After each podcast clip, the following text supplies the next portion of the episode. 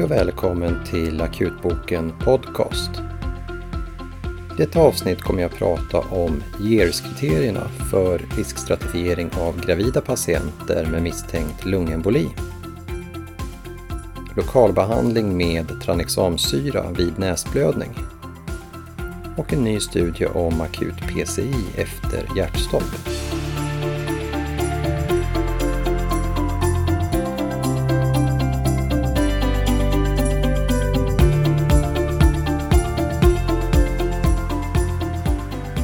Lungemboli hos gravida utgör ibland en diagnostisk utmaning, bland annat då symptom vid lungembolism som takykardi, dyspné och bensvullnad också är vanliga vid en normal graviditet.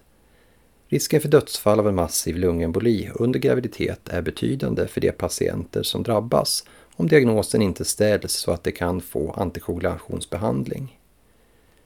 För icke-gravida har vi flera validerade riskstratifieringssystem som till exempel Well, Score och PERK som gör att vi många gånger kan utesluta behandlingskrävande lungembolism utan röntgen. För gravida patienter finns retrospektiva observationsstudier kring riskstratifiering men vi har saknat större prospektiva studier. Nu under våren 2019 publicerades dock en bra studie i New England Journal of Medicine om riskstratifiering av gravida patienter med misstänkt lungemboli som ger oss vägledning hur vi kan handlägga dem. I studien användes den så kallade GERS-algoritmen för riskstratifiering. GERS-algoritmen, som tidigare publicerats i The Lancet 2017, men då med fokus på icke-gravida patienter, är baserad på tre kliniska kriterier och två olika nivåer av DDMER för riskstratifiering. De tre kliniska kriterierna är kliniska tecken till DVT, hemoptys och en klinisk bedömning om lungemboli är den mest sannolika diagnosen. De två DD-nivåerna som används är mindre än 0,5 eller mindre än 1,0 mg per liter.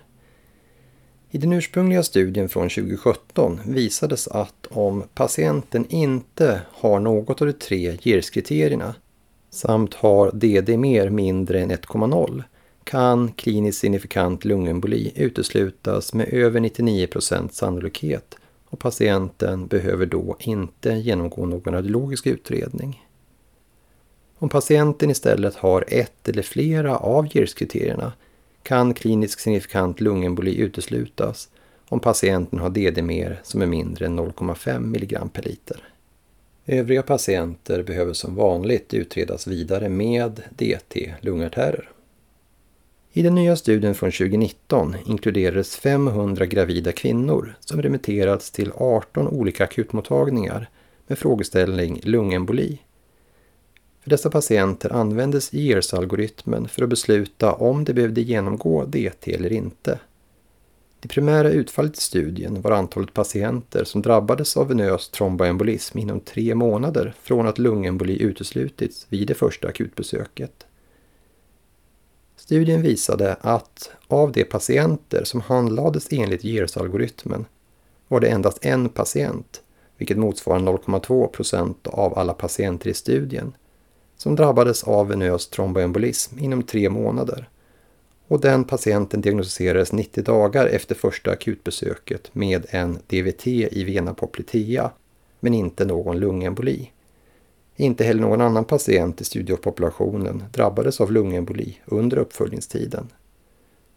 Genom användning av GERS-algoritmen för studiepopulationen kunde man avstå från DT-undersökning för 39 procent av de gravida kvinnorna.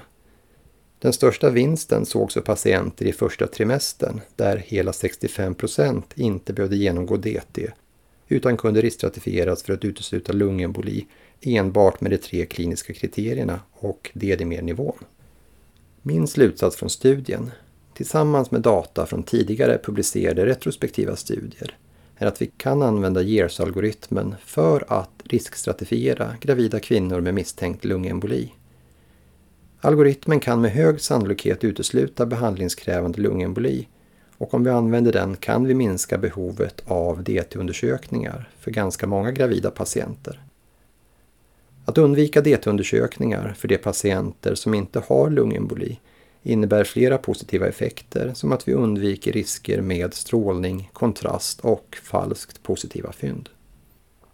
Innan man börjar använda GERS-algoritmen eller någon annan algoritm baserad på olika DDME-nivåer är det dock viktigt att ha koll på hur det labb man använder sig av svarar ut DDME-värdena. Det finns nämligen två olika enheter som DDMER-koncentration kan anges i.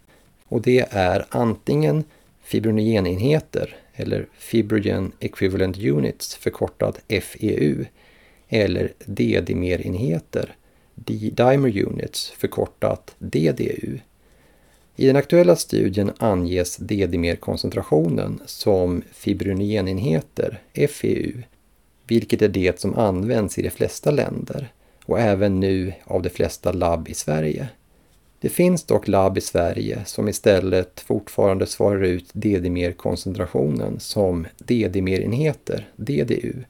Och här behöver man multiplicera värdet med 2 för att räkna om värdet till fibrinogenenheter.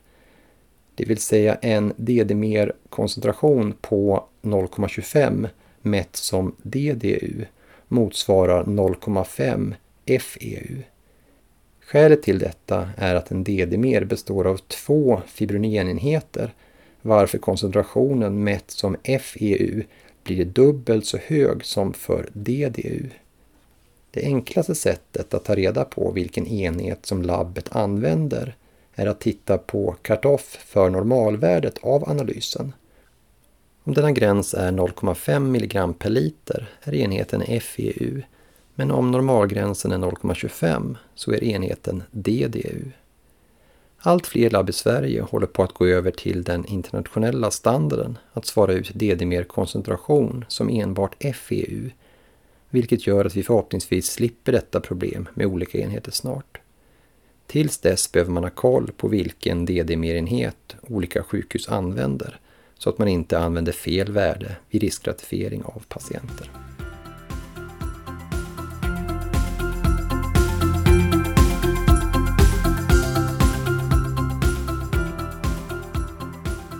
De flesta spontant uppkomna främre näsblödningarna slutar blöda ganska snabbt, men vissa patienter får mer ihållande blödning som gör att de söker akut.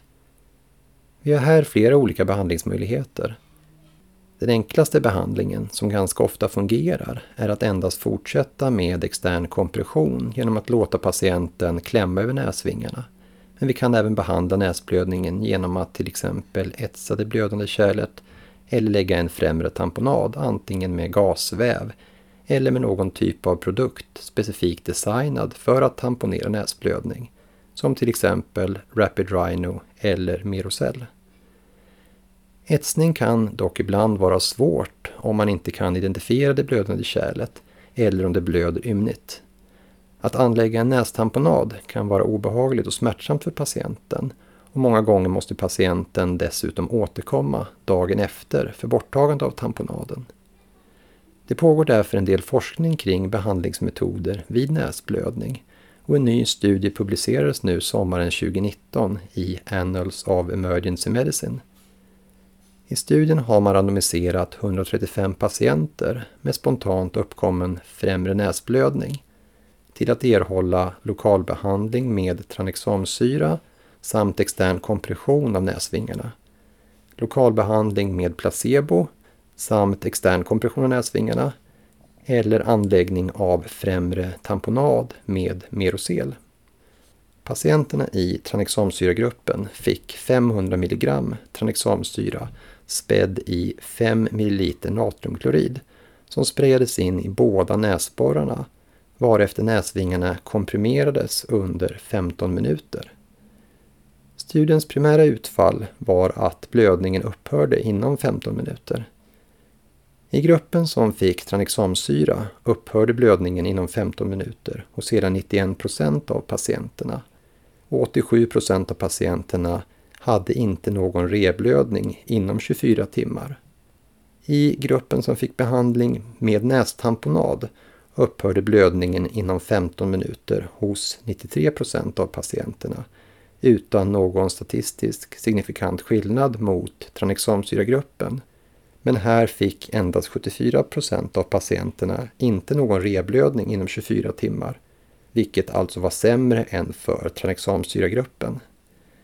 I placebogruppen, som endast fick behandling med extern kompression över näsvingarna, upphörde blödningen hos 71 procent inom 15 minuter och 60 procent av patienterna hade inte någon ny blödning inom 24 timmar. Således gav tranexamsyrabehandling och kompression av näsvingarna lika bra effekt för att stoppa blödningen inom 15 minuter som nästamponad. Men risken för reblödning inom 24 timmar var minst för patienterna i tranexamsyragruppen. Sammanfattningsvis talar studien för att lokalbehandling med tranexamsyra tillsammans med 15 minuters kompression av näsvingarna är en effektiv behandling för spontant uppkomna främre näsblödningar och att behandlingen ger lika bra behandlingsresultat som nästamponad vid bedömning av blödningen efter 15 minuter och sannolikt mindre risk för reblödning inom 24 timmar. Behandling med tranexamsyra och kompression är tekniskt enklare än att etsa kärlet eller att anlägga en tamponad och behandlingen upplevdes även mindre obehaglig av patienterna. Resultatet från studien är i linje med tidigare studier där man använt lokalbehandling med tranexamsyra vid näsblödning i kombination med tamponad och även här sett en positiv effekt. Det finns en del begränsningar i studien, som att patienter med näsblödning orsakad av trauma inte inkluderades och inte heller patienter som stod på antikoagulantiabehandling. Min slutsats av studien är dock ändå att behandling med tranexamsyra lokalt tillsammans med kompression av näsvingarna är en snabb och enkel behandling som kan användas utan behov av bedövning. Behandlingen kan därför enkelt användas som ett första behandlingsalternativ då det vid utvärdering av effekt efter 15 minuter enkelt går att gå vidare med etsning eller inläggning av en tamponad om blödningen inte har upphört.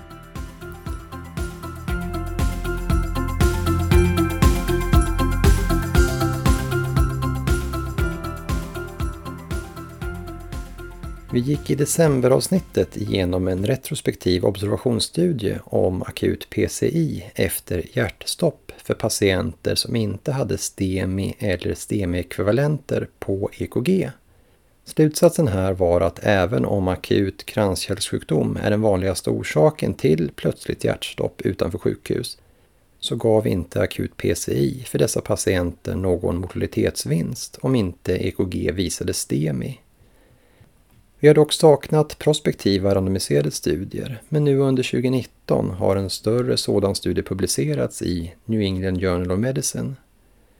I studien randomiserades 552 patienter som fått återkomst av spontan cirkulation efter hjärtstopp utan stemifynd på EKG till att antingen genomgå akut koronarangiografi och PCI eller att genomgå koronarangiografi först senare under vårdtiden. Det primära utfallet som man tittade på i studien var mortalitet vid 90 dagar. Studien visade att det inte var någon skillnad i 90 dagars mortalitet om man gjorde koronarangiografi direkt eller senare under vårdtiden. Och I båda grupperna var 90 dagars överlevnaden cirka 65 procent. Man såg heller inte någon skillnad i sekundära utfall som bland annat neurologiska sekvler troponinnivåer som markör för hjärtinfarktstorlek, chock eller njurskada. Sammanfattningsvis stärker denna nya studie resultat från tidigare retrospektiva observationsstudier. Min slutsats baserat på de tillgängliga studierna är att om patienten har STEMI eller STEMI-ekvivalent på EKG bör patienten så snart som möjligt genomgå koronarangiografi även efter hjärtstopp. För patienter utan STEMI-EKG efter hjärtstopp finns det ingen prognostisk vinst att direkt genomföra akut koronarangiografi för de flesta patienter, utan detta kan istället vänta något dygn och det är sannolikt viktigare att prioritera andra åtgärder, inklusive temperaturkontroll. Det är dock viktigt att komma ihåg att det finns patienter med allvarliga och proximala kranskärlsokklusioner som inte har tecken till STEMI på EKG. Dessa patienter har ofta andra tecken till pågående kardiell ischemi som manifesteras till exempel som kardiogen chock, återkommande ventrikulära arytmier eller uttalad EKG-dynamik. Även om vi inte har stöd från studier att dessa patienter gagnas av akut koronarangiografi får vi här göra en individuell bedömning om det ändå föreligger indikation för akut angio-PCI. På samma sätt som vi ibland gör denna bedömning för patienter utan hjärtstopp med akuta koronarsyndrom som inte uppvisar STEMI-kriterier. Detta var allt för avsnittet denna månad. Som vanligt hittar du länkar till artiklarna som vi gått igenom på vår hemsida www.akutboken.se